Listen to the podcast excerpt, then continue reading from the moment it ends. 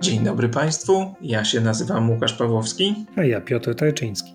I zapraszamy na kolejny odcinek podcastu amerykańskiego. Zanim zaczniemy, tradycyjnie dziękujemy Państwu za to, że w kolejnym tygodniu jesteście z nami. Jesteście z nami w mediach społecznościowych, jesteście z nami w serwisie Patronite. W tych mijających siedmiu dniach dołączyły do nas kolejne osoby i są to Mateusz, Andrzej i Dorota. Bardzo, bardzo Państwu dziękujemy. A teraz e, przechodzimy już do dzisiejszego tematu tygodnia. Zastanawialiśmy się, o czym mówić, bo tematów jest e, sporo, no ale chyba nie sposób nie powiedzieć o tym, co dzieje się w relacjach amerykańsko-rosyjskich, amerykańsko-europejskich. Krótko mówiąc, nie sposób nie powiedzieć o tym, co się dzieje na pograniczu rosyjsko-ukraińskim i o tym, jaki to ma wpływ na amerykańską politykę i co zamierza w tym w tej sprawie zrobić Biały Dom i co już do tej pory zrobił. No to zaczynamy. Dobrze, to powiedzmy na początek, co się w ostatnim czasie wydarzyło i jaka jest obecna sytuacja. Chyba musimy od tego, od tego wyjść.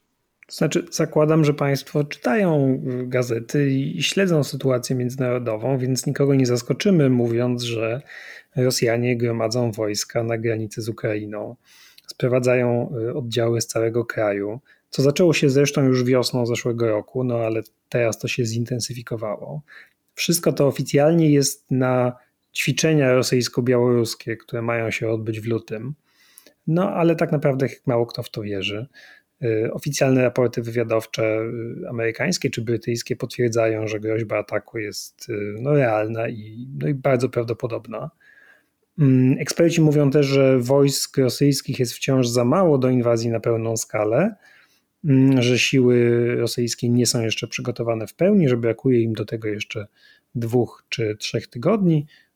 Trzeba też wziąć pod uwagę warunki atmosferyczne, mm, ale no ale scenariusze ataku są dość dobrze opisane. No tak, był taki, czy no wiadomo, eksperci spierają się, jaki to będzie atak, czy do niego ostatecznie dojdzie, czy będzie miał formę militarną, czy może jakąś inną, ale był taki dobry, ciekawy tekst w mm, Foreign Affairs, który y, kreślił trzy takie główne scenariusze ataku. E, pierwszy z nich e, to był scenariusz ataku, e, które właściwie potwierdziłby obowiązujący status quo, czyli zakładał, że Putin wchodzi, w, czy rosyjskie wojska wchodzą i oficjalnie okupują te tereny i uznają te tereny, które już okupują, czyli wschodnią część Ukrainy, okręgi Ługański i Doniecki oraz Krym czyli przy, przystawiają stempel pod to, co, co się już stało kilka lat temu e, podczas pierwszej inwazji. Druga, drugi scenariusz mówi o tym, że e, dochodzi do inwazji na południową Ukrainę i do odcięcia całego kraju od morza.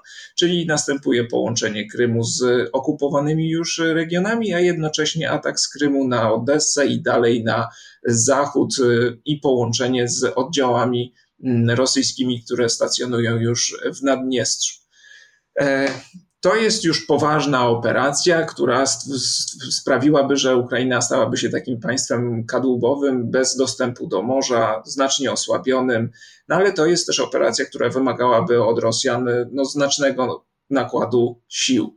E, I operacja numer 3, czy scenariusz numer 3, który, który, który to autorzy w Foreign Affairs uznali za najbardziej prawdopodobny, to jest atak ze wszystkich stron na Ukrainę. Tak jak powiedziałeś, Rosjanie mają teraz wojska w, zarówno na granicy ukraińsko-białoruskiej, ukraińsko-rosyjskiej, wzmacniają swoje siły na Morzu Czarnym, więc mogliby dokonać inwazji ze wszystkich stron. Ten trzeci scenariusz zakłada taką szybką inwazję E, właśnie z różnych kierunków, w tym także zdobycie Kijowa, czy atak na Kijów i dokonanie zmiany władzy e, w, w, Ukrainie, mm, a następnie wycofanie się. To znaczy, wiadomo, że Rosjanie nie będą chcieli okupować Ukrainy przez dłuższy czas, twierdzą autorzy, bo jest to zbyt kosztowne, zbyt ryzykowne. Mm, kosztowne zarówno w sensie finansowym, ale także w sensie wizerunkowym, to znaczy Rosjanie ginęliby przy, przy założeniu takiej długotrwałej okupacji, jeżeli założymy, że Ukraińcy walczyliby dalej w formie partyzanckiej i byliby wspierani przez kraje zachodnie. To jest zbyt kosztowne, więc Rosjanie chcą dokonać zmiany reżimu i do tego potrzebny im jest taki atak ze wszystkich stron, a następnie wycofanie się z tego podbitego już kraju. O tym, że Rosjanie chcą dokonać zmiany reżimu, czy zmiany władz, przepraszam, w Ukrainie, mówił wywiad brytyjski, mówiło brytyjskie Ministerstwo Spraw Zagranicznych, a potwierdzali to E, Amerykanie. Zresztą najważniejsi przedstawiciele amerykańskiej dyplomacji no, dają jednoznacznie do zrozumienia, że ten atak jest e, bardzo możliwy. Mówiła o tym Wendy Sherman, czyli zastępczyni Antoniego Blinkena, kiedy powiedziała, że spodziewają się ataku właściwie w każdej chwili między chwilą obecną, czyli końcem stycznia, a połową e, lutego. Prezydent Biden podczas swojej słynnej konferencji prasowej powiedział w pewnym momencie, że jego zdaniem e, Putin wejdzie na Ukrainę, ponieważ będzie musiał e, coś zrobić. No, z takim też scenariuszem mówiącym o tym, że Putin nie może się wycofać już z obecnej sytuacji, jakiejś formy ataku musi dokonać. Spotkamy się też w tygodniku The Economist, w podcaście tygodnika The Economist, główny korespondent czy główny dziennikarz zajmujący się obronnością w tej gazecie y, także twierdził, że w obecnej sytuacji nie wyobraża sobie, jak Putin mógłby ten konflikt deeskalować bez takiej wizerunkowej straty dla siebie. To znaczy zapędził się w kozi róg i po tym, co obiecał, jakie wymagania czy jakie żądania złożył e, wobec Zachodu, trudno sobie wyobrazić, e, by po niespełnieniu tych żądań się po prostu wycofał. No tak, ale oficjalnie Rosja twierdzi, że nie chce wojny, powtarza, że jaka agresja, w ogóle co złego to nie my, wojna jest w ogóle niedopuszczalna. Z takimi wypowiedziami też się spotkałem. My się tylko bronimy przed agresją. To oczywiście jest stała narracja rosyjska, że żadnej agresji nie ma, że żadnej agresji nie było. No, przypominam, że w oficjalnej rosyjskiej propagandzie nie było żadnego ataku na wschodnią Ukrainę i nawet zajęcie Krymu nie było działaniem ofensywnym, tylko działaniem defensywnym. No tak, Rosjanie mówią do tej pory, że konflikt na Ukrainie, czy wojna rosyjsko-ukraińska jest de facto wojną domową na Ukraińców i oni nie mają z tym właściwie nic e, wspólnego. Więc ten pierwszy scenariusz, o którym wspominałem, byłoby, byłby takim uznaniem, że jednak mają coś wspólnego, bo oficjalnie uznaliby te e, rejony zajęte przez e, siebie w, w, tej, w czasie tej pierwszej agresji z 2014 roku, ale też to niewiele Rosjanom daje, to znaczy niewiele się zmienia w ich sytuacji, a jednocześnie mm, no, po całym tym zamieszaniu i po całym tym e, straszeniu, e, no nie wiem, czy byłaby to gra warta, warta świeczki, choć z drugiej strony pojawiają się takie obawy, że jeżeli Putin, i mówię to w cudzysłowie, tylko wszedłby na te tereny ze swoimi wojskami, na te tereny, które już okupuje, no to Zachód odetchnąłby z ulgą, uznano by, że Putin to jednak jest rozsądny facet, że da się z nim dogadać, że właściwie nic takiego wielkiego się nie stało i można dalej z Rosją robić e, interesy. Więc to jest także pewne zagrożenie, że jeżeli mm, nie dojdzie do tej poważnej inwazji, to Zachód będzie, czy niektóre państwa zachodnie, przywódcy zachodni będą próbowali mm, powiedzieć, że właściwie nic się wielkiego nie stało. No i chyba do tego w pewnym stopniu nawiązywał e, Biden podczas tej swojej konferencji, kiedy powiedział, że ewentualna mała inwazja na Ukrainę może doprowadzić do dyskusji w ramach tego sojuszu zachodniego dyskusji o tym, co należy zrobić i pewnego sporu, jakie sankcje e, są właściwe, i za to Biden był bardzo, bardzo krytykowany. Ale uważasz, że to była gafa? No bo przypomnijmy, w czasie konferencji prasowej Biden zapytany powiedział, no, że właśnie Putin zapewne będzie musiał coś zrobić, y, no ale to może być albo duża inwazja, albo jakaś mała incursion, tak, co właściwie może być interpretowane zarówno jako wkroczenie zbrojne, ale przecież równie dobrze to minor incursion to może być na przykład cyberatak na Ukrainę. Tak, i pewnie to miał na myśli, ale trochę pozwolił sobie na takie analizowanie sytuacji na żywo przed dziennikarzami i to było niewątpliwie błędne, bo takie dyskusje mogą się odbywać gdzieś w zaciszu gabinetu podczas różnego rodzaju spotkań z doradcami, ale nie przed kamerami i nie e, no, w, w, obecności dziennikarzy. Tak, no w podcaście pod Save America, którego często słuchamy, tam pracują ludzie, którzy znają Biały Dom bardzo dobrze, bo pracowali w administracji Obamy i oni tłumaczyli, że to jest taka głupia sytuacja i no niepożądana, kiedy prezydent wchodzi w rolę komentatora, kiedy próbuje komentować rzeczywistość, y, trochę tak jak jakiś ekspert w CNN czy innej telewizji. Y, I to jest głupie, dlatego że mm, prezydent ma inną rolę, że prezydent kreuje rzeczywistość, a przynajmniej powinien sprawiać takie wrażenie, a nie wdawać się w dywagację, no to jeśli tak, to może tak, ale może inaczej, ale zobaczymy. To nie jest rolą prezydenta, bo to sugeruje i to, to pozwala wierzyć, że prezydent jest tylko widzem, a nie twórcą wydarzeń. To prawda.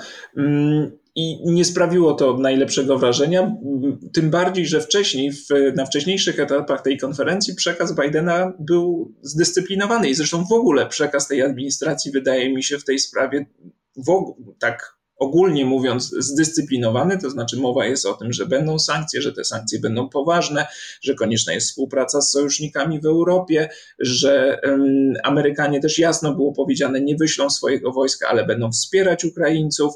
Um, Także wszystko to było w miarę uporządkowane, a ta wypowiedź Bidena wydawała mi się jednak gafą, to znaczy y, zapędził się i zaczął, zapomniał, że, że jest na konferencji, chociaż Tutaj trzeba dodać, że są też inne interpretacje. Jeżeli Państwo sięgną na przykład do wywiadu z doktorem Piotrem Łukasiewiczem, byłem ambasadorem Polski w Afganistanie, to jest wywiad dla krytyki politycznej, to tam jest taka teza, że to było trochę wystawienie piłki Putinowi i stworzenie dla niego takiej możliwości, zasugerowanie mu takiej możliwości wyjścia z tego kryzysu jakoś z twarzą, nie wiem, mnie ta interpretacja nie przekonuje, bo wydaje mi się, że takie sugestie mogą paść w zamkniętych rozmowach, a niekoniecznie na konferencji prasowej. Łukasiewicz twierdzi, że gdyby padły takie sugestie w zamkniętych rozmowach, to Rosjanie natychmiast mm, wykorzystaliby tę taki przekaz wypuścili do mediów jako przeciek i byłby jeszcze większy skandal. Mi się wydaje, że ta wypowiedź Bidena była jednak gafą, a najlepiej o tym świadczą natychmiastowe wręcz komentarze i samego Bidena, i jego współpracowników, którzy podkreślali, że wsparcie Stanów Zjednoczonych dla Ukrainy jest niewzruszone i że każda forma agresji spotka się z twardą odpowiedzią. No ja jeszcze widziałem, aczkolwiek ja się zgadzam z tym, co mówisz, ale widziałem też takiej próby tłumaczenia, że w ten sposób Biden chciał zasugerować czy potwierdzić to, co właściwie Putin już wie i wszyscy wiedzą, że małe naruszenie granic będzie się wiązało z mniejszymi sankcjami, a większe naruszenie z większymi sankcjami. Innymi słowy, odpowiedź będzie proporcjonalna do tego, co zrobi Rosja. No ale z drugiej strony myślę sobie, że Putin doskonale to wie. No i nie wiem, czy to jest dobry przekaz. Nie wydaje mi się. Wydaje mi się, że ten przekaz powinien być taki, jak Biden przy innych okazjach i wcześniej i później e, wypowiadał, to znaczy, że te sankcje będą bardzo poważne, niezależnie od tego, co e, Rosjanie zrobią. No i to jest także ryzykowny przekaz, to warto zwrócić uwagę, bo Biden mm, nakreślił wyraźne czerwone linie. I jeżeli mm, Państwo pamiętają, to y, my już nieraz wspominaliśmy, że administracja Bidena często mówi o tym, że uczy się na błędach administracji Obamy. No jednym z takich błędów administracji Obamy było nakreślenie czerwonych linii wobec y, konfliktu w Syrii. Była mowa o tym, że użycie broni chemicznej spotka się z reakcją Stanów Zjednoczonych. Ta reakcja później nie nadeszła i to jest powszechnie uznawane za jeden z poważniejszych błędów w polityce zagranicznej prezydenta Obamy. Jeżeli Biden nie chce tego błędu powtórzyć, no to znaczy musi być pewien, czy musi być zdeterminowany co do tego, że faktycznie ta reakcja Stanów Zjednoczonych na in, ewentualną inwazję będzie bardzo zdecydowana. Na tu jeszcze przypomnijmy, Amerykanie twierdzą, że do tej inwazji najprawdopodobniej dojdzie. Niedawno, bodaj w czwartek, 27 stycznia doszło do rozmowy telefonicznej między Bidenem i Zełenskim, prezydentem Ukrainy Wołodymyrem Zełenskim i po tej rozmowie poszły przecieki, że Biden e, ostrzegał Zełenskiego, że ta inwazja jest właściwie pewna. E, potem przyszło dementi Białego Domu, administracji prezydenckiej, mówiące o tym, że e, ta inwazja jest prawdopodobna i to przekazał Biden, a nie, że jest właściwie pewna. No ale przekaz, tak jak e, mówię, ogólny jest e, taki, że raczej, raczej będzie konflikt, niż raczej, że go nie, nie będzie. No to co robi administracja Bidena, chyba warto powiedzieć, e, i jakimi sankcjami grozi, prawda? Ale to może powiedzmy najpierw, czego domaga się Putin, jakie są jego żądania. Mm, one zostały sformułowane na piśmie. Putin zasadniczo domaga się wycofania wojsk natowskich z Europy Wschodniej, z tych krajów, które dołączyły do NATO y, w 1999 i później, czyli z Republik Bałtyckich i Polski między innymi, no i gwarancji nierozszerzania NATO w ogóle nigdy. Czyli to oznacza zakaz przystąpienia do NATO nie tylko takich krajów jak Ukraina czy Gruzja, które nawiasem mówiąc, o czym wszyscy mówią, w najbliższym czasie nie miałyby szans na przystąpienie do, do, do sojuszu, no, ze względu na różne warunki, które trzeba spełnić, i takie techniczne, ale mm, także mm, na przykład zapis mówiący o tym, że granice kraju, który przystępuje do NATO, nie mogą być e, przedmiotem kontestacji, więc Ukraina miałaby tutaj poważny problem, ale to dotyczyłoby nie tylko właśnie Ukrainy czy Gruzji, ale na przykład Finlandii i Szwecji. E, co ciekawe, które to państwa podobno wyrażają coraz większe zainteresowanie przystąpieniem do NATO no wobec tej polityki Putina. Czyli widzimy, że Putin osiąga skutki raczej odwrotne od zamierzonych, a przynajmniej niektórzy komentatorzy na to zwracają uwagę. Inna rzecz, ważny postulat to jest e, wycofanie tych sił, one mogłyby powrócić, ale tylko i wyłącznie za zgodą wszystkich stron, czyli także Rosji. Jeżeli w jakiejś wyjątkowej sytuacji miałyby wojska NATO na przykład do Polski powrócić, to Rosja musiałaby się na to zgodzić. Co więcej, jest tam także, mm, są tam także zapisy o nierozprzestrzenianiu broni atomowej e, i zapis mówiący, że państwo potęga nuklearna nie mogłaby rozmieszczać swojej broni poza terytorium swojego kraju. Jeżeli tą broń ma, to, to musiałaby ją wycofać i zlikwidować infrastrukturę konieczną do mm, przechowywania takiej broni. No to jest oczywiście wymierzone poniekąd y, w Niemcy, w, w broń amerykańską atomową na terenie Niemiec, no i w ogóle mm, w Niemczech toczy się taka dyskusja, czy należy tę broń amerykańską zachować, czy nie. Zgodnie z tym traktatem musiałaby ona natychmiast stamtąd zniknąć. No więc de facto całe te żądania są, jak to mówili, mówiła strona amerykańska, to jest non-starter, czyli to są żądania, które absolutnie są nienegocjowalne. No tak, i w odpowiedzi na to, również pisemnie, e, wezwało Rosję do wycofania wojsk z Gruzji, Mołdawii, e, Tutaj mówimy o Naddniestrzu, no i oczywiście z Ukrainy. A Blinken w osobnej odpowiedzi potwierdził, że Ukraina ma prawo wstąpić do NATO, jeśli tak postanowi, aczkolwiek, jak już mówiłeś, nie ma takich planów. To znaczy, jeśli nawet to one są bardzo dalekie. Natomiast no to nie jest tak, że to Rosja będzie decydowała, który kraj chce wstąpić y, do NATO. Rosjanie na to nie odpowiedzieli jeszcze, ale oficjalne czy półoficjalne raczej komunikaty są takie, że, są, że nie są optymistyczni, ale że będą dalej prowadzić rozmowy, no czyli jakaś wymiana dyplomatyczna trwa. Y, ostatnio mieliśmy rozmowy w Paryżu, y, za dwa tygodnie mają się odbyć rozmowy w Berlinie. Mm, więc wydaje się, że przez te dwa tygodnie ataku nie będzie, no skoro są zaplanowane kolejne rozmowy, ale z drugiej strony to może być ściema, no to może być oczywiście y, prowadzenie rozmów tylko po to, żeby y, przeciągać to do sytuacji, do momentu, w którym ten atak rosyjski będzie łatwiejszy, bo Rosjanie sprowadzą więcej wojsk i bo y, zmieni się pogoda. Ostatnie takie spotkania na wysokim szczeblu to były rozmowy telefoniczne e, Blinkena, Antoniego Blinkena z Siergiejem Ławrowem. E, to było także spotkanie Blinkena z Ławrowem kolejne w Genewie, no ale one nie przyniosły specjalnego przełomu e, poza zgodą Amerykanów na właśnie na tą pisemną odpowiedź na rosyjskie żądania. Ta odpowiedź nie została ujawniona. Wiemy tyle, co powiedział Blinken powiedział tyle, że mm, zostawia jakieś drzwi otwarte do dalszych e, negocjacji, że Amerykanie są otwarci na takie negocjacje, ale że ten główny postulat e, Rosjan, czyli zamknięcie, czy mm, przyrzeczenie, że NATO nie będzie się dalej rozszerzać, to jest postulat e, nie do zaakceptowania. no nie do zaakceptowania jest też postulat czy żądanie rosyjskie do tego, żeby niektóre kraje NATO były de facto krajami takiego no, gorszego gatunku. Takie kraje, które mają broń i takie, które nie mają. Takie, w których stacjonują wojska NATO i takie, w których nie stacjonują. Tak, y, to oczywiście jest e, prawda i jest e, to także nie, nie, do zaakceptowania. Więc to, co oferują Amerykanie, z tego co wiemy, to jest jakaś dyskusja na temat na przykład większej transparentności, jeśli chodzi o prowadzenie ćwiczeń wojskowych, e, większa transparentność czy wprowadzenie pewnych ograniczeń co do miejsc, gdzie te ćwiczenia się mogą odbywać, na przykład takich obszarów na Morzu Czarnym, gdzie ćwiczenia by się nie mogły odbywać. To jest rozpoczęcie negocjacji na temat redukcji broni e, e, atomowej, ale to są bardziej ogólne postulaty, a nie tak szczegółowe i tak wymagające, jak to przedstawili Rosjanie. Zresztą te postulaty przedstawione przez Rosjan, część analityków uważa, są specjalnie tak ostre i przedstawione publicznie, żeby właśnie mm, stanowić wymówkę do rozpoczęcia ewentualnej inwazji. To znaczy, my zaproponowaliśmy jakieś rozwiązania, powiedzą Rosjanie, Amerykanie się na to nie zgodzili, więc mamy prawo zaatakować.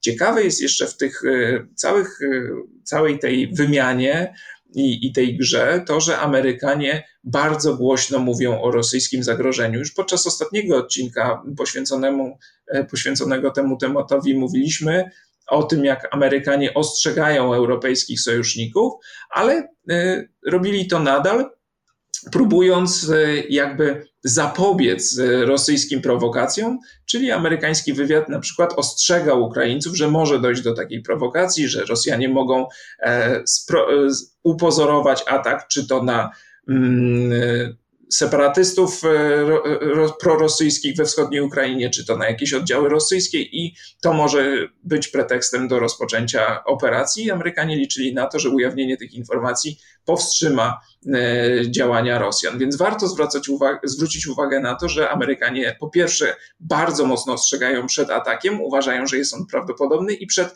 różnego rodzaju prowokacjami. I to jest ciekawe, bo z jednej strony w ten sposób może wytrącają jakąś broń z ręki Putinowi, bo nie będzie to już zaskoczenie, no ale z drugiej strony mi się wydaje, że właśnie pchają też Putina w pewien narożnik, to znaczy mówią, cały czas mówią, on zaatakuje, on zaraz zaatakuje, to jest bardzo prawdopodobne. No w związku z tym wycofanie się z takiej sytuacji na miejscu Putina wydaje mi się trudne. No, kiedy już oczekiwania co do ataku są tak duże, no to trudno sobie wyobrazić, jak bez utraty twarzy on mógłby teraz powiedzieć: No to ja już pakuję zabawki i uciekam. Oczywiście Putin nie musi się w przeciwieństwie do Bidena czy innych liderów liczyć z opinią publiczną tak bardzo, ale wciąż dla kogoś, kto pozuje na takiego twardziela, e, no i jest władcą autorytarnym, to może być kłopot e, wizerunkowy i taki prestiżowy. A czy to nie może być tak, że powtarzanie cały czas, że ten atak jest pewny i zagrożenie jest bardzo realne, e, służy uzasadnieniu zwiększenia obecności wojskowej w Europie Wschodniej i na wschodniej flance NATO, no bo bez tego trudno by było uzasadnić, dlaczego wysyłać tam nowe wojska, a robi się to właśnie po to, żeby kiedy już dojdzie do tych negocjacji, można, obie strony mogły deeskalować, to znaczy y, my wycofamy te wojska, które właśnie dołożyliśmy, y, wy wycofacie swoje, które żeście sobie dołożyli, no i w ten sposób jakby wracamy do, do status quo. Znaczy innymi słowy, żeby z czego było zabierać, musisz najpierw dołożyć, więc być może to jest tak możliwe, chociaż Amerykanie jeszcze tych wojsk nie dołożyli. Na razie mamy zapowiedź e, prezydenta Bidena o postawieniu w stan gotowości 8,5 tysiąca żołnierzy amerykańskich, nie wysłaniu, ale postawieniu w stan gotowości. Jeżeli by doszło do inwazji, to ci żołnierze mają być wysyłani do krajów e, wschodniej flanki NATO, czyli do krajów bałtyckich, do krajów, do Polski, Rumunii, Mm, mamy też ruchy wojskowe innych państw członkowskich, y, symboliczne, no ale to znaczące, że państwa wysyłają te wojska do siebie nawzajem. Mm, więc możliwe, możliwe, że jest to taki element y, budowania, czy jak gdyby mm, budowania presji, z której później można, można zejść, to, to niewykluczone, e, ale warto też zwrócić uwagę, wydaje mi się, że Amerykanie starają się ściśle współpracować z sojusznikami w Europie, bo to e, może się komuś wydawać oczywiste, ale ja proponowałbym sobie pomyśleć, co byś, jakby ten konflikt wyglądał, gdyby na, w Białym Domu zasiadał nadal na przykład Donald Trump albo jakiś inny kolejny prezydent, który wcale już tak Europą zainteresowany nie będzie. To znaczy, to wcale nie jest oczywiste, że Amerykanie tak blisko i tak intensywnie konsultują to, co robią z europejskimi sojusznikami. Wydaje mi się, jestem raczej w gronie tych komentatorów, którzy uważają, że, czy tych obserwatorów, którzy uważają, że to, co do tej pory robi Putin, wydaje się wzmacniać Sojusz Północnoatlantycki niż go osłabiać, czyli że ta mm, skutki jego dotychczasowych działań są raczej odwrotne od zamierzonych. Bo zobacz, mówił, chcę mniej wojska na wschodzie, a na to mówi, a my ci doślemy więcej, jeżeli nie ustąpisz. Tak, no mówi, NATO nie może się rozszerzać, myśląc przede wszystkim o Ukrainie, a może się okazać, że zaraz będzie miał pod bokiem Szwecję i Finlandię, które y, wstąpią do NATO, bo taka dyskusja w tych krajach się toczy. No ale na pierwszy rzut oka Putinowi może się wydawać, że to jest odpowiedni moment do ataku, no bo y, Zachód jest podzielony. Y, w Niemczech nowy rząd, o niemieckim rządzie powiemy za chwilę. W Wielkiej Brytanii jest Boris Johnson, który trzyma się resztkami sił, no pewnie zaraz upadnie. We Francji lada chwila wybory prezydenckie, a stosunki francusko-amerykańskie y, no, nie są najlepsze. Y, Biden jako prezydent wydaje się słaby i nieefektywny. Ameryka jest podzielona, o czym też będziemy mówić w dalszej części odcinka. I o tym, że y, no, podziały partyjne przekładają się na brak porozumienia w polityce zagranicznej i, i, wsparcia dla działań Białego Domu. Więc w teorii sytuacja jest korzystna dla Putina do tego, żeby sprawdzić, jak ten sojusz demokracji, o którym Biden mówi, działa w praktyce. Do tego dochodzi jeszcze ta dalsza, nieco dalsza perspektywa, to znaczy Ukraina powoli ucieka Rosji, o czym też mówią eksperci. To znaczy przesuwa się na zachód. Ukraińska armia się modernizuje, to raz, ale też politycznie, to znaczy ukraińskie prawo upodabnia się do zachodniego. Ukraina z tego porządku postradzieckiego przechodzi w porządek europejski, przynajmniej zbliża się do niego. I no i to jest być może ostatni moment na to, żeby można było tę Ukrainę mm, no nie zająć, ale rozbić i odwrócić ten, ten, ten zwrot ku demokracji, bo wbrew temu, co powtarza rosyjska propaganda cały czas, że Rosja czuje się zagrożona rozszerzaniem NATO i że to jest motorem jej działań, to jak popatrzymy na daty, to okazuje się, że Rosjanie, czy już Putin przede wszystkim, reagują agresywnie przede wszystkim na to, kiedy kraje, które Rosja uważa za swoją strefę wpływów, się zanadto demokratyzują i zanadto przesuwają się w stronę demokracji. Tak, no ostatnio mieliśmy interwencję rosyjską w Kazachstanie i to, to warto podkreślić, że NATO nie zagraża Rosji. Nic nie stało się w ostatnim czasie takiego, co świadczyłoby o tym, że Ukraina nagle stanie się członkiem sojuszu, mm, więc Trudno uzasadnić to, co robi Putin, jakimś zwiększonym zagrożeniem ze strony samej Ukrainy, natomiast łatwiej to uzasadnić tym, co się wydarzyło w Kazachstanie, tym, co się wydarzyło na Białorusi. Tam te demokratyczne protesty udało się stłumić e, Łukaszence, ale nie od dziś wiadomo, że Putin obawia się tak zwanych kolorowych, tych demokratycznych rewolucji w krajach regionu, że oskarża Amerykanów czy szerzej Zachód o mm, wywieranie wpływu na rosyjską politykę czy podburzanie Rosjan w kierunku demokratyzacji i e, stara się temu e, przeciwdziałać. No i e, szereg ekspertów podkreśla, że Ukraina stanowi zagrożenie nie tyle dla Rosji, co stanowi zagrożenie dla władzy Putina i nie tyle zagrożenie wojskowe, co zagrożenie właśnie wynikające z tego, że jeżeli się Ukraińcom uda, e, to znaczy będą krajem bardziej zamożnym, stabilnym, lepiej zintegrowanym z Zachodem, z rozwijającą się gospodarką, nie opartą tylko na surowcach czy, prze, czy opłatach za przesył tych surowców, no to może Rosjanie dojdą do wniosku, że skoro braciom Ukraińcom uda się modernizacja, to może uda się także w Rosji. No i jeżeli przyjmą Rosjanie taką perspektywę, to mogą też dojść do wniosku, że być może Władimir Putin to nie jest wielki modernizator i odnowiciel Rosji, ale raczej kamień e, Rosjan. a to podkopuje narrację Putina o tej rosyjskiej osobnej drodze, o wspólnocie językowej i kulturowej z braćmi Ukraińcami. Mm, no bo skoro oni mogą, należący do tej wspólnoty językowo-kulturowej, no to dlaczego nie sama Rosja? To oczywiście prowadzi nas do tej teorii o tym, że Ukraina jest takim e, rosyjskim Tajwanem. To znaczy, analogia jest, e, jest, jest właśnie taka. Skoro Chińczycy na Tajwanie mogą rządzić się demokratycznie, to dlaczego nie mogą rządzić się demokratycznie Chińczycy z, z kontynentu? I e, tutaj zagrożenie ukraińskie dla Putina jest przede wszystkim właśnie takie: zagrożenie demokracją, a nie zagrożenie wojskowe. I to też ta analogia tajwańska służy też temu, że jeśli Stany Zjednoczone pozwolą zająć, zniszczyć, e, zahamować rozwój, zahamować demokratyzację Ukrainy mm, i odpuszczą Tajwan, Boże, no właśnie to zrobiłem. Jeśli odpuszczą Ukrainę, y, to Chińczycy mogą sobie pomyśleć, że to samo mogą zrobić z Tajwanem i tak samo Amerykanie nie będą bronić Tajwanu. Tak, tylko że tu jest też argument w stronę przeciwną wśród amerykańskich komentatorów, że jest odwrotnie. To znaczy, jeżeli Amerykanie dadzą się włączyć, dadzą się wciągnąć, przepraszam, w konflikt e, o Ukrainę, dadzą się znowu wciągnąć w sprawy europejskie, to ten zwrot ku Azji, który dokonuje się już ho, ho od e, co najmniej dekady, czyli od rządów, e, od prezydentury Baracka Obamy, znowu zostanie zahamowany, a Amerykanie nie będą mieli dość sił, by by zainwestować właśnie w tamten region, który jest dla nich najważniejszy, a więc paradoksalnie zaangażowanie Amerykanów w sprawy ukraińskie może być tym czynnikiem, który zachęca Chiny do większej agresji wobec Tajwanu.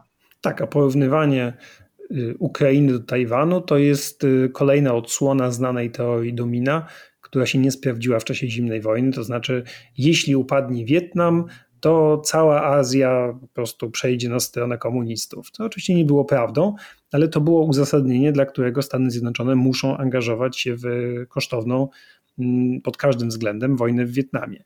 I dziś część ekspertów mówi to samo. To znaczy, nie ma żadnej teorii domina. To nie jest tak, że jeśli Amerykanie, mówiąc brzydko, odpuszczą Ukrainę, to to ośmieli Chińczyków y, z Tajwanem. No dobrze, ale wciąż nie powiedzieliśmy, czym tak, co takiego ma w zanadrzu Zachód i, i Stany Zjednoczone, czym mogą e, Putinowi zagrozić, jakimi sankcjami i jakimi działaniami, oprócz oczywiście wysłania dodatkowych wojsk do krajów wschodniej flanki NATO. No to jest wsparcie militarne dla Ukrainy, które Amerykanie wysyłają. Mm, nieustannie. To jest wsparcie wywiadowcze, które Amerykanie, którym Amerykanie też Ukraińcom służą. Te wsparcie militarne płynie także z innych państw e, NATO, między innymi z Wielkiej Brytanii, z krajów nadbałtyckich, Litwa, Łotwa, Estonia wysłały sprzęt amerykański na Ukrainę i e, Amerykanie się na to zgodzili. Mm, I do tego dochodzą jeszcze zapowiedzi sankcji gospodarczych i nawet osobistych sankcji na Władimira Putina. To zapowiadał e, Joe Biden, no a sankcje gospodarcze mają dotyczyć między innymi e, rosyjskiego systemu, e, znaczy systemu bankowego i odłączenia tego systemu od dokonywania transakcji dolarowych, co byłoby kosztowne dla amerykańskiej, dla, przepraszam, rosyjskiej gospodarki. No i e, sankcje na, także bezpośrednie sankcje na rosyjskie e, instytucje finansowe. To znaczy, teraz w Izbie Reprezentantów i w e, Senacie są ustawy, które mają, nazywają się to ustawa o obronie suwerenności Ukrainy. Sponsorem tej ustawy w Senacie jest senator Bob Menendez. I ta ustawa zakłada cały szereg właśnie takich działań zmierzających do ukarania konkretnych instytucji finansowych i e, konkretnych osób, w tym e, Putina i jego najbliższych e, współpracowników. Mowa tam jest także między innymi o ujawnieniu majątku Putina. Nie wiem, czy to byłoby możliwe, ale mm, to, to też ciekawy, ciekawy krok. No i jest oczywiście sprawa Nord Stream 2. Tutaj jest ciekawa rzecz, bo już nałożenia sankcji na firmy związane z budową i obsługą Nord Stream 2 chcieli republikanie, dokładnie senator Ted Cruz, ale jego inicjatywa została odrzucona w Senacie, to znaczy nie uzbierała 60 e, głosów. I w zamian za to demokraci wyszli ze swoją inicjatywą, czyli tym, e, tą ustawą, o której wspomniałem, która ma być wprowadzona w momencie dokonania inwazji czy jakiejś ingerencji Rosjan w, w, suwerenność, integralność terytorialną Ukrainy. Tam w tej ustawie, z tego co czytałem, ma o tym zadecydować prezydent. Ona daje dość duże możliwości działania prezydentowi. Jeżeli prezydent zdecyduje, że jest takie zagrożenie, jest takie. Mm, ta, taka ingerencja, to może te sankcje nakładać. E, są tam, jest tam też mowa o zwiększonej jeszcze pomocy dla Ukrainy o 500 milionów e, dolarów w roku 2022. A jeśli chodzi o sam Nord Stream 2, no to tutaj już język jest znacznie słabszy, bo mowa jest o tym, że e, prezydent powinien dokonać rewizji e, swojego swojej polityki, czy może dokonać rewizji obecnie obowiązujących przepisów, które zawiesiły sankcje na firmy związane z budową Nord Stream 2.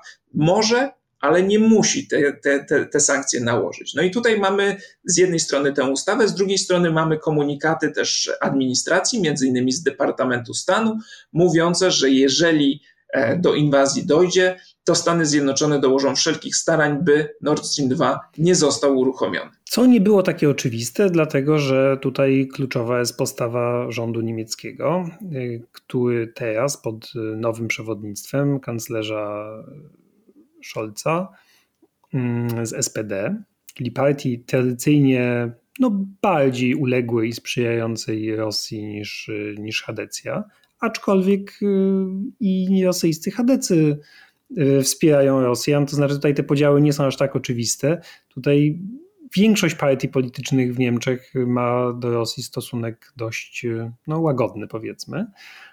Może za wyjątkiem zielonych. No właśnie, wyjątkiem są chyba Ale zieloni. oni trochę zmienili, no kiedy weszli do rządu. Y, I rzeczywiście postawa e, niemiecka była no, dużym problemem dla, dla Stanów Zjednoczonych.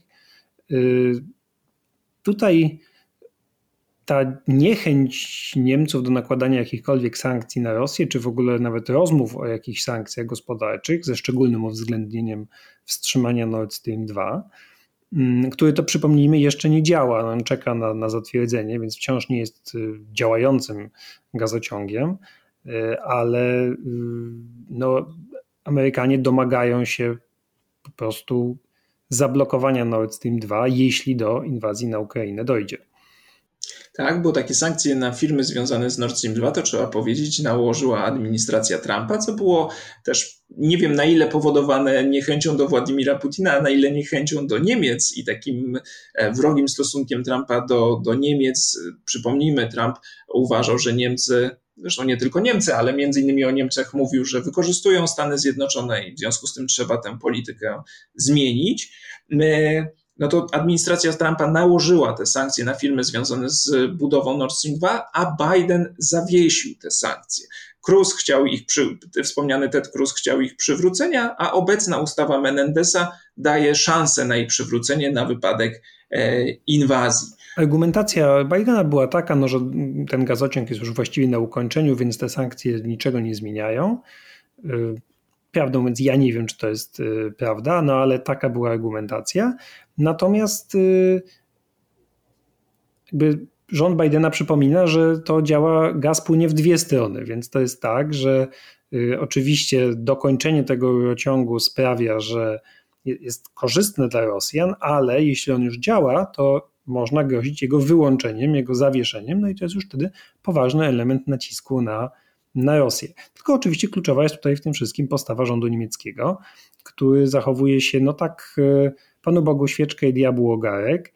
Y, oficjalne tłumaczenia są no mętne, tak to nazwijmy. To znaczy, mm, no, Rosja wiele wycierpiała z rąk Niemiec w czasie II wojny światowej, więc teraz jest im niezręcznie y, dostarczać broń, która może być używana do, do zabijania Rosjan. No to takie jest wytłumaczenie dla które, dla, dlaczego Niemcy sprzeciwiają się dostarczaniu y, broni mm, y, Ukraińcom.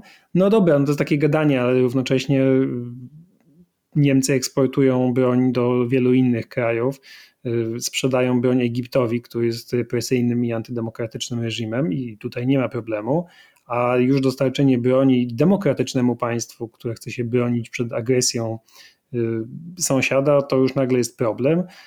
Jakby tak historycznie pogrzebać, no to też, no owszem, Rosja, Rosjanie wiele wycierpieli ze strony Niemców w czasie II wojny światowej, ale tak się składa, że tereny zajęte przez y, III Rzeszę w czasie II wojny światowej to są w dużej mierze tereny Ukrainy, więc y, nie o to chodzi, kto cierpiał bardziej, ale kiedy mówi się o zbrodniach niemieckich w czasie II wojny światowej i, jak, i tym się tłumaczy ten niechęć do, mm, do sprzeciwiania się Rosji, tak to powiedzmy, no to też y, weźmy pod uwagę cierpienia Ukraińców i cierpienia wszystkich ludzi y, na wschodzie.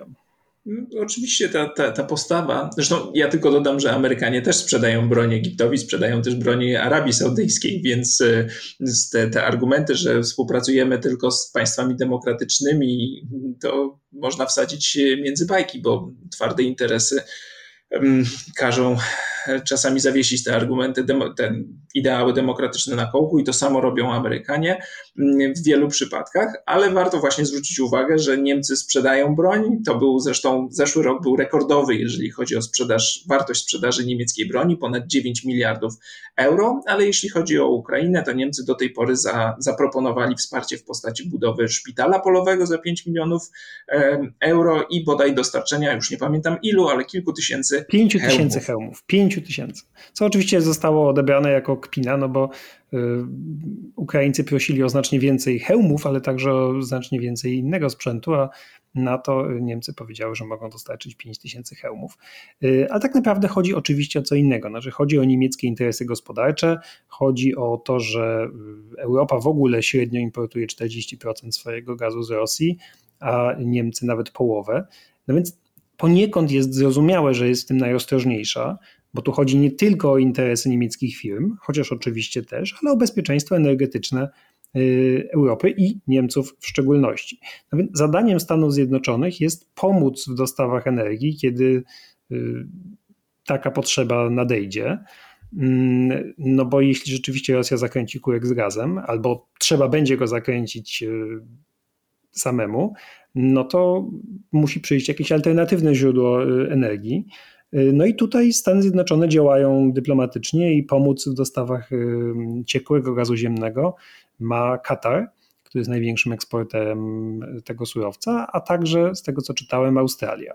Tak, w, w poniedziałek 31 stycznia ma dojść do spotkania w Białym Domu z przedstawicieli władz katarskich z Bidenem. E, I to jest ciekawe, to jest znowu kolejna rzecz, to znaczy, której Stany Zjednoczone wcale nie musiałyby robić. Ja sam zastanawiam się, co mam o tym myśleć, że oto Stany Zjednoczone biorą tak czynny udział aktywny w sprawie wojny, która ma się toczyć na granicach Unii Europejskiej, no i oczywiście w Europie, e, i jeszcze, e, żeby zmobilizować Europejczyków do obrony swojego terytorium, e, angażują się w zapewnienie Europejczykom dostaw gazu, gdyby te dostawy miały być w jakiś, w jakiś sposób zaburzone. To znaczy, Amerykańska administracja naprawdę nie musi tego robić i myślę, że amerykańska administracja spokojnie i Amerykanie spokojnie poradziliby sobie, e, gdyby mm, Ukraina uległa jednak żądaniom Rosji e, i, i, nic by się takiego Amerykanom e, nie stało. To znaczy, Amerykanie funkcjonowali, kiedy Ukraina była krajem podbitym przez wiele, wiele lat i teraz także mogliby funkcjonować, a przynajmniej część ekspertów tak e, twierdzi. A jednak administracja Bidena raz, że się mocno angażuje w ten kryzys, uzasadnia to tym, że nie wolno Rosji pozwolić na jednostronne łamanie porządku międzynarodowego i nie wolno pozwolić autorytarnym państwom na, na to, by robiły sobie co chcą, bo demokracje muszą się bronić i muszą się wspierać, ale to naprawdę nie jest polityka, która musi być kontynuowana przez kolejną administrację i warto to podkreślać. Wspomniałeś o tych e, dostawach gazu, no to oczywiście Niemcy są tutaj bardzo zależni od e, Rosjan. Ja znalazłem takie dane z tygodnika The Economist. Faktycznie Niemcy e, importują około 50% e, z swojego gazu z Rosji, e, nawet ponad, a z kolei gaz stanowi prawie 30% tego miksu energetycznego w Niemczech. Więc to jest poważna sprawa, bo na przykład Austria importuje 100% swojego gazu z Rosji, ale tylko 19% E, gaz stanowi w tym austriackim miksie energetycznym. Więc różne są te stopnie uzależnienia, ale Niemcy są niewątpliwie jednym na pierwszej linii, jeżeli o to chodzi, i dlatego Niemców muszą e, Amerykanie szczególnie przekonywać. Ale jak powiedzieliśmy, wydaje się, że Niemcy powoli mm, mówią podobnym głosem jak Stany Zjednoczone. E, w czwartek Departament Stanu powiedział, że jeśli Rosja zaatakuje, to Nord Stream 2 nie zostanie uruchomiony. Kanclerz Scholz też już nie mówi, że to jest tylko prywatny projekt. Już jakby przestał mówić e, coś, co jest oczywistą nieprawdą, no bo w to, że Nord Stream 2 nie jest projektem czysto ekonomicznym e, i czysto prywatnym i to po prostu nie ma żadnego związku z geopolityką, to chyba nikt nie wierzy.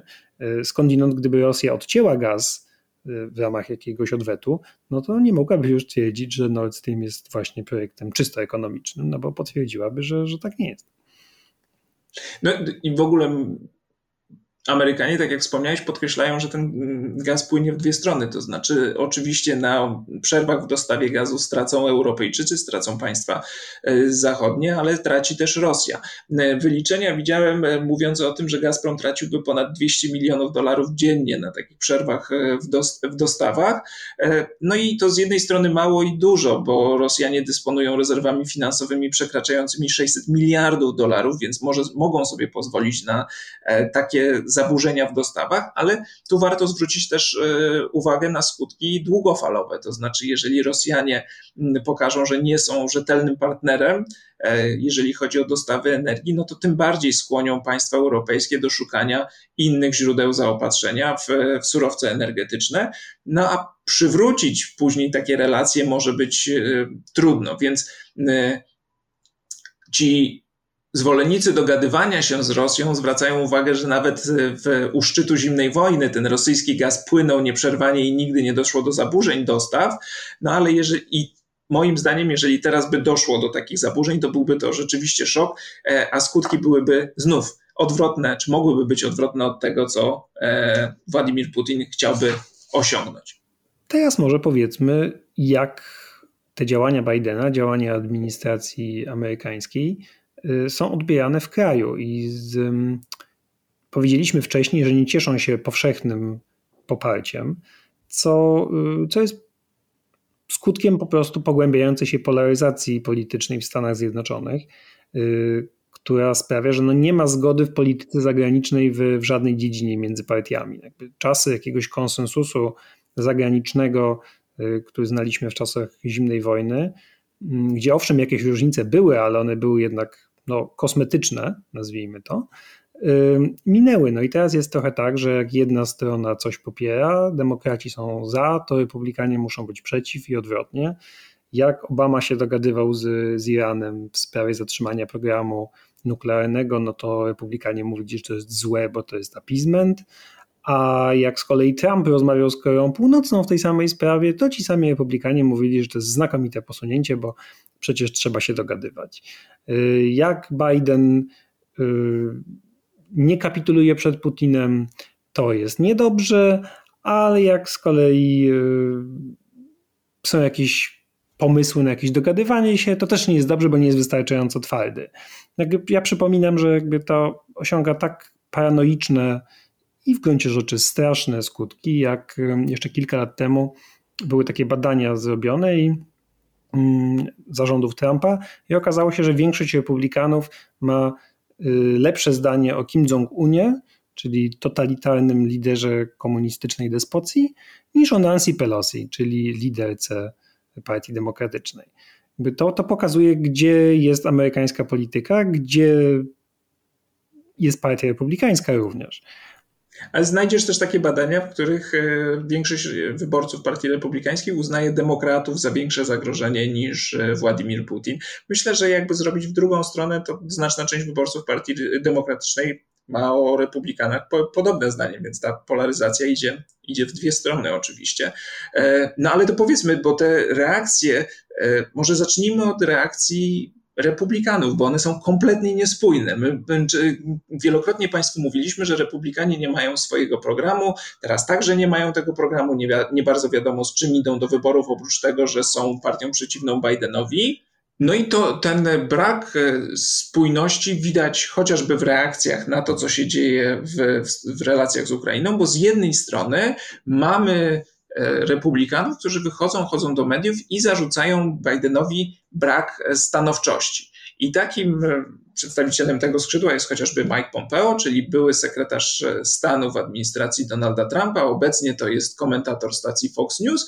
No i podczas jednego z ostatnich wywiadów Fox News mówił o tym, że Ukraińców trzeba wspierać mocniej, że Ameryka musi przewodzić e, i być na, na, na miejscu lidera, nie może przewodzić z tylnego siedzenia i należy tej broni i pomocy Ukraińcom wysyłać jak najwięcej. Tak, no i że powstrzymywanie Rosji należało zacząć już dużo, dużo wcześniej, mówi Mike Pompeo, który był sekretarzem stanu w poprzedniej administracji. Tu jest to kompletnie absurdalne, y, bo tak naprawdę stawia zarzut samemu sobie. Znaczy, dlaczego administracja Trumpa nie zrobiła więcej, żeby powstrzymać Rosję? Mógłby zadać dziennikarz telewizji Fox News, ale oczywiście w telewizji Fox News nikt y, Mike'owi Pompeo takiego pytania nie zada. Nie, nie, to Mike Pompeo odpowiedzi za naszych czasów Rosja nie miała takich e, prowokacji na, na Ukrainie i my byliśmy szanowani, a Biden jest słaby, bo e, wycofał się e, w sposób kompromitujący z Afganistanu, bo nie był do tej pory dość twardy wobec Putina, na przykład po atakach cybernetycznych, do których doszło w pierwszej połowie roku. No i w związku z tym ośmielił Putina, twierdzi Pompeo. No ale oczywiście twoje zarzuty są jak najbardziej uzasadnione bo możemy przypomnieć e, słynną konferencję prezydentów w Helsinkach za czasów prezydentury Trumpa, kiedy to Trump stawiał słowo Władimira Putina wyżej e, analiz swoich własnych amerykańskich służb wywiadowczych. No więc mm, no, trudno uzasadniać tezę, żeby Trump e, był jakoś wobec Putina wyjątkowo twardy, choć były takie punktowe reakcje. Nie wiem, na ile one były antyputinowskie, a na ile antyniemieckie, tak jak wspomniałem, czyli na przykład te sankcje na Nord Stream 2. Tak, no ale z takiego skrzydła y, powiedzmy jastrzębiego partii republikańskiej, no to poza Mike'em Pompeo, no to jest jeszcze Ted Cruz y, i kilkoro takich senatorów, y, nazwijmy to starego typu w polityce zagranicznej. Znaczy zachowują się tak, jak kiedyś zachowali się republikanie. Ja słyszałem jeszcze też wypowiedź Nikki Haley, która, czyli byłej ambasadorki przy ONZ, również Fox News, która także idzie tym tropem i zarzuca Bidenowi słabość. To śmieszne, cała ta trójka, którą wymieniliśmy, e, marzy o Białym Domu i zamierza kandydować kiedyś na, na prezydenta. Natomiast e, to jest takie skrzydło jastrzębie, ale ono jest mniejszościowe.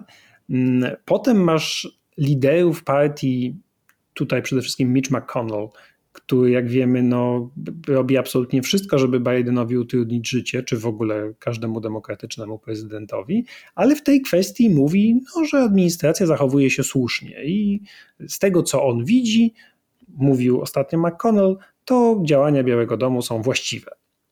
No i wtedy wychodzi trzecie skrzydło, czyli na przykład Tucker Carlson i pyta, w jakiej ty właściwie jesteś partii McConnell? Co to jest za partia opozycyjna? Powinniśmy robić rzeczy dokładnie odwrotne. I teraz jakby państwo mieli nerwy e, i chcieli zapoznać się z wypowiedziami Takara Carlsona na temat Ukrainy, to będzie taka, to zachęcamy do tego. My w naszym newsletterze też wyślemy pewnie z jedną czy dwie e, takie wypowiedzi, żeby można sobie było pogłębić tę wiedzę e, o tym, co mówi to skrzydło partii e, republikańskiej. No i to są wręcz niesamowite fikołki. Nie wiem, czy można to nazwać fikołkami intelektualnymi, ale jakimiś, no, trudno sobie w ogóle wyobrazić linię argumentacyjną Carsona, ale spróbuję ją Państwu przedstawić, Piotr. I no, ja obejrzałem ze trzy odcinki y, i naprawdę pękły mi od tego uszy. Y, jestem dzięki temu głupszy, umarł mi kawałek mózgu. Naprawdę, znaczy to, to, to, jest, to jest koszmar. Y, porównywanie granicy ukraińskiej z granicą meksykańską, że na granicy ukraińskiej są jacyś nielegalni imigranci i nagle Stany Zjednoczone chcą bronić e, nienaruszalności ukraińskiej granicy przed tymi nielegalnymi imigrantami i wysyłać tam wojsko, co oczywiście nie jest prawdą, bo Amerykanie nie chcą wysyłać swoich wojsk na granicę e, rosyjsko-ukraińską, no ale mniejsza o to, a na naszą granicę z Meksykiem nie chcą wysyłać wojska, i w ogóle nasza granica nie jest istotna.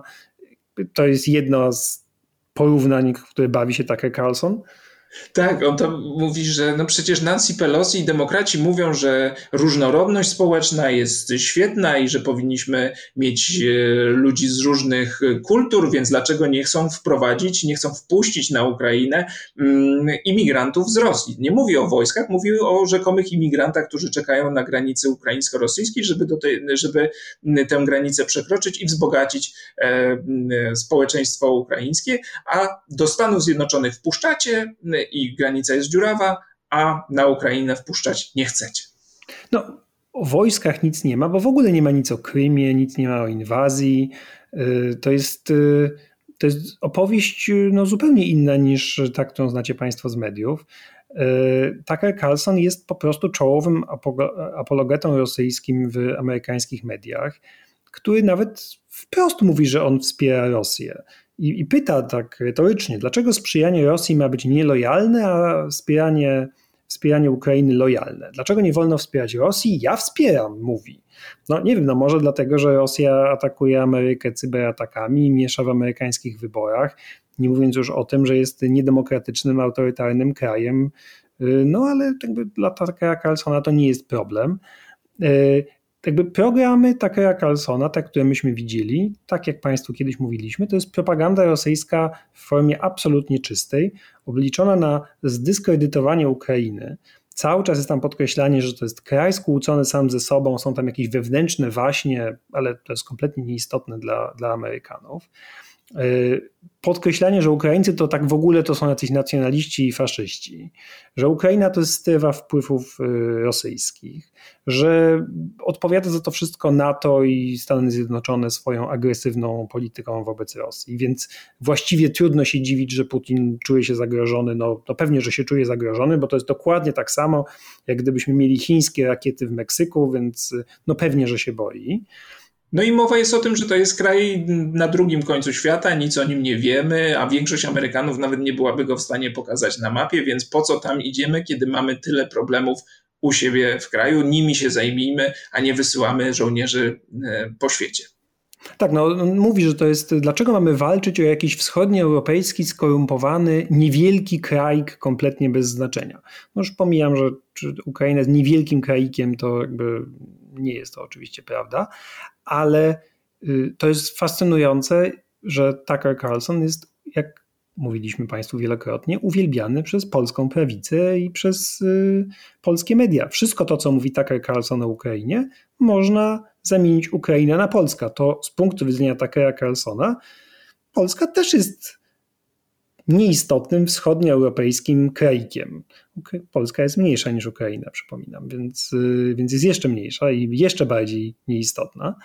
Mm, I ta Carlsonowe pleplanie, te Carlsonowe brednie, które są powtarzane cały czas w Fox News, a przypominam, że Carlson jest, ma numer jeden w ratingach, znaczy to jest najpopularniejszy program y, telewizji Fox News i jeden, czy nie czy zgoła najpopularniejszy program w amerykańskich telewizjach kablowych w ogóle. Mm, I on cały czas to powtarza. No więc efekt jest taki, że widzowie telewizji Fox News później dzwonią do kongresmenów demokratycznych, o czym mówił kongresmen Tom Malinowski z, z New Jersey, demokrata. E, mówił, że dzwonią do niego wyborcy, oburzeni, że Stany Zjednoczone wspierają Ukrainę, a nie Rosję, i nie wspierają rozsądnych żądań Putina. Dlaczego my w ogóle nie, nie wspieramy Putina? Pytają go mm, republikańscy wyborcy. No to jest wstrząsające. Y, badania opinii publicznej wśród republikanów pokazują, że republikanie zasadniczo kibicują Putinowi, że uważają Putina za silniejszego przywódcę. To jest oczywiście pokłosie tego, co mówił Donald Trump, który cały czas zachwycał się, że y, Putin jest takim silnym przywódcą, takim zdecydowanym, a Obama to jest w ogóle żaden przywódca, nikt go nie szanuje, a Putina wszyscy szanują, bo to jest silny, to naprawdę fetyszyzacja siły y, i mierzenie długości tego i owego jest naprawdę nieznośne.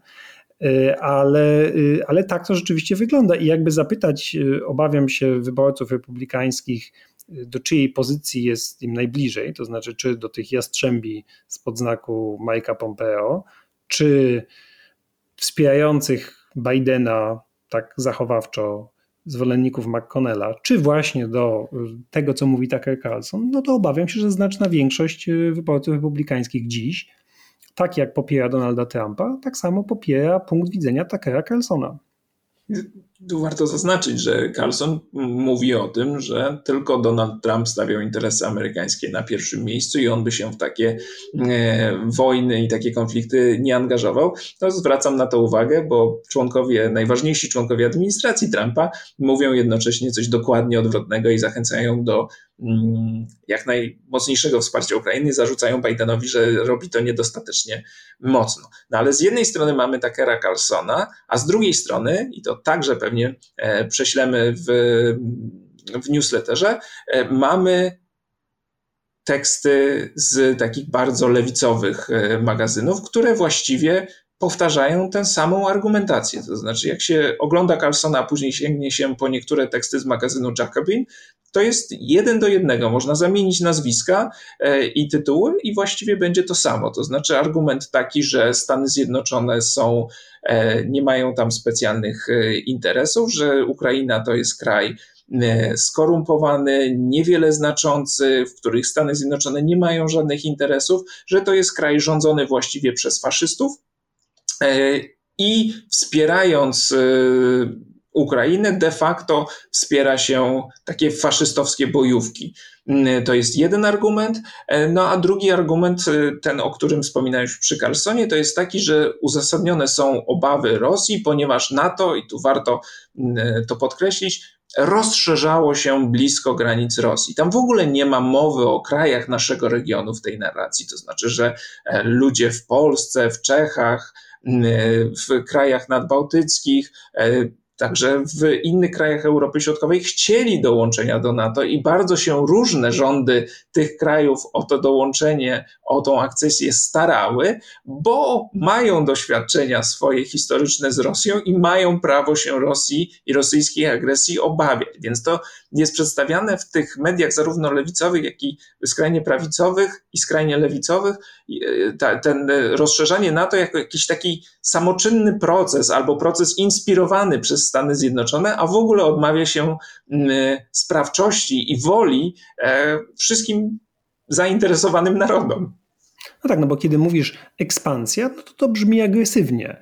A, I to jest coś, co się odbywa jakby z, właśnie przemocą de facto, a nie jest to przystąpienie do NATO, które, jak mówisz, odbywało się po prostu z woli y, mieszkańców wschodniej Europy.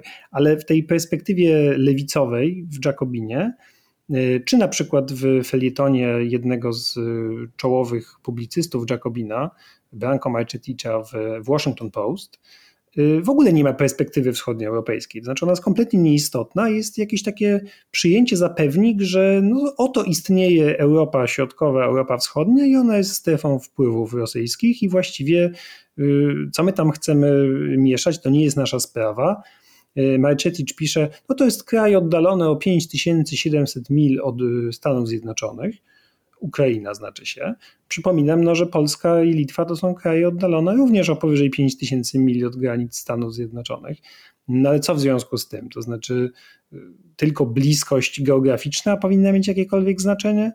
To jest jakiś absurd z naszego punktu widzenia, no ale naszego wschodnioeuropejskiego punktu widzenia, czy tam centrowoeuropejskiego, nikt specjalnie tutaj nie bierze pod uwagę i to jest rzeczywiście wstrząsające, jak ta skrajna prawica i y, skrajna czy lewica podają sobie ręce, y, podają sobie ręce zupełnie jawnie, na przykład w programie Takera Carlsona, bo tam z kolei częstym gościem jest Glenn Greenwald, czyli skądinąd zasłużony lewicowy dziennikarz, który razem z Takerem Carlsonem często się zgadzają w wielu sprawach i w tej sprawie zgadzają się również.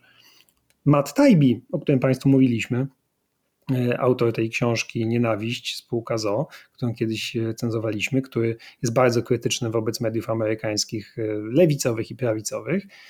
I on jest też, uważa się za takiego niezależnego lewicowego publicystę. Powtarza narrację prorosyjską toczka w toczkę. Znaczy, on nazywa Ukrainę, no to jest taki duży błotnisty kawał ziemi, który nie jest wart amerykańskiego zainteresowania. No dobrze, chciałoby się zapytać tych lewicowców, na co z wartościami demokratycznymi? No bo to, że prawicy jak Carlsona wartości demokratyczne nie obchodzą, to mnie w ogóle nie dziwi. ale dlaczego nie obchodzą one lewicowych publicystów i ludzi uważających się za lewicowców, no to jest już trochę inna inszość. No i w tej, w tej całej narracji lewicowej uderzające jest też to, że gdyby pomija się to, co robi sam Putin w Rosji. To znaczy, owszem, tam pisze się, że no, Putin nie jest e, e idealnym aktorem, że to jest e, zły człowiek może gdzieś tam, ale że jego obawy są uzasadnione, e, a opowieści o tym, co dzieje się w samej Rosji, jak, traktowani, jak traktowane są mniejszości w Rosji, mm, jak jest, tego w ogóle nie ma e, w narracji lewicowej, natomiast w narracji prawicowej, no Putin, o czym kiedyś już Państwu wspominaliśmy, jest takim bohaterem e, i obrońcą chrześcijańskich e, tradycji, co jest oczywiście kolejną mistyfikacją, bo wystarczy sięgnąć po statystyki dotyczące nie wiem, liczby aborcji w Rosji, rozpadu małżeństw, długości życia, alkoholizmu, żeby zobaczyć, że od tego ideału prawicowego, konserwatywnego, dobrze ułożonego społeczeństwa trochę Rosjan jednak e, dzieli. I tu może przy okazji warto wspomnieć o tym, że Departament Stanu e, Stanów Zjednoczonych wypuścił nawet taki artykuł. On moim zdaniem nie jest najlepszy, ale ale warto o nim wspomnieć, bo to jest zbyt krótki tekst, ale zwraca uwagę na takie główne punkty rosyjskiej dezinformacji i stara się je rozbrajać. No i właśnie te argumenty, które przytacza amerykańska skrajna lewica czy skrajna prawica, y, są e, wymieniane przez Departament Stanu jako właśnie te główne punkty dezinformacyjne, które Rosja stara się wypchnąć na Zachód i wpuścić do tej mm, opinii publicznej na Zachodzie. No i o ile ja jestem w stanie zrozumieć oczywiście, dlaczego Amerykanie są zmęczeni konfliktami, wojnami, chcieliby takiego zwrotu do wewnątrz, no, który zapoczątkował y, Trump i na który też liczył Biden, to znaczy zajęcie się własnymi problemami, a nie mm, problemami całego świata. Y, no, tyle jednak perspektywa bardzo zależy od punktu siedzenia i jako jednak mieszkaniec Europy Środkowej czy Europy Wschodniej z dużym niepokojem obserwuję to, co, to, co się dzieje w amerykańskiej polityce mm, zagranicznej. Znaczy, nie tyle w amerykańskiej polityce zagranicznej, y, którą prowadzi Biden, ale w, w tym, co, co się mówi na temat polityki zagranicznej i jak stosunkowo łatwo zaczyna się traktować Europę Wschodnią jako taki no, zbędny problem. No i dlatego warto zwrócić uwagę że kiedy państwo oceniają działania administracji Bidena, można je oceniać krytycznie, można właśnie oceniać dobrze, ale warto zwrócić uwagę, e, jakim presjom podlega ta administracja i jakie są nastroje w Stanach Zjednoczonych. Nie wolno od tego zupełnie abstrahować. Oczywiście prawdą jest to, że Amerykanie bardziej zwracają uwagę na politykę wewnętrzną niż na politykę zagraniczną. Ja nie wierzę, mm, czy nie znajduję potwierdzenia, że na przykład wycofanie z Afganistanu jakoś bardzo Bidenowi zaszkodziło. Wydaje Wydaje mi się, że główną przyczyną spadku jego popularności jest przede wszystkim COVID i to, że nie radzi sobie z pandemią, a nie wycofanie się z Afganistanu. Mm, ale jednocześnie widać, tak jak Piotr powiedział, zmęczenie Amerykanów, e, widać te bardzo egzotyczne sojusze, które tworzą się w amerykańskiej debacie publicznej, lewicy z prawicą e, i nawet e, tego centrum, które zachęca do odpuszczenia niektórych kierunków w polityce zagranicznej i zaczyna mówić takim językiem z właśnie czy skrajnej prawicy, czy skrajnej lewicy. I jeżeli to weźmiecie pod uwagę, wezmą Państwo pod uwagę, to ta polityka Bidena mm, zobaczycie, jakim ograniczeniom ona podlega i że to wcale nie jest oczywiste, że Stany Zjednoczone są w Europie, wspierają e, państwa europejskie i muszą się stawiać e, Putinowi. Wcale nie jest wykluczone, że kolejna administracja będzie prowadziła zupełnie, zupełnie odmienną od Bidenowskiej politykę zagraniczną. I na tym e, zakończymy. E, bardzo, bardzo dziękujemy, że byliście Państwo z nami i zapraszamy serdecznie za tydzień. Do usłyszenia. Do usłyszenia.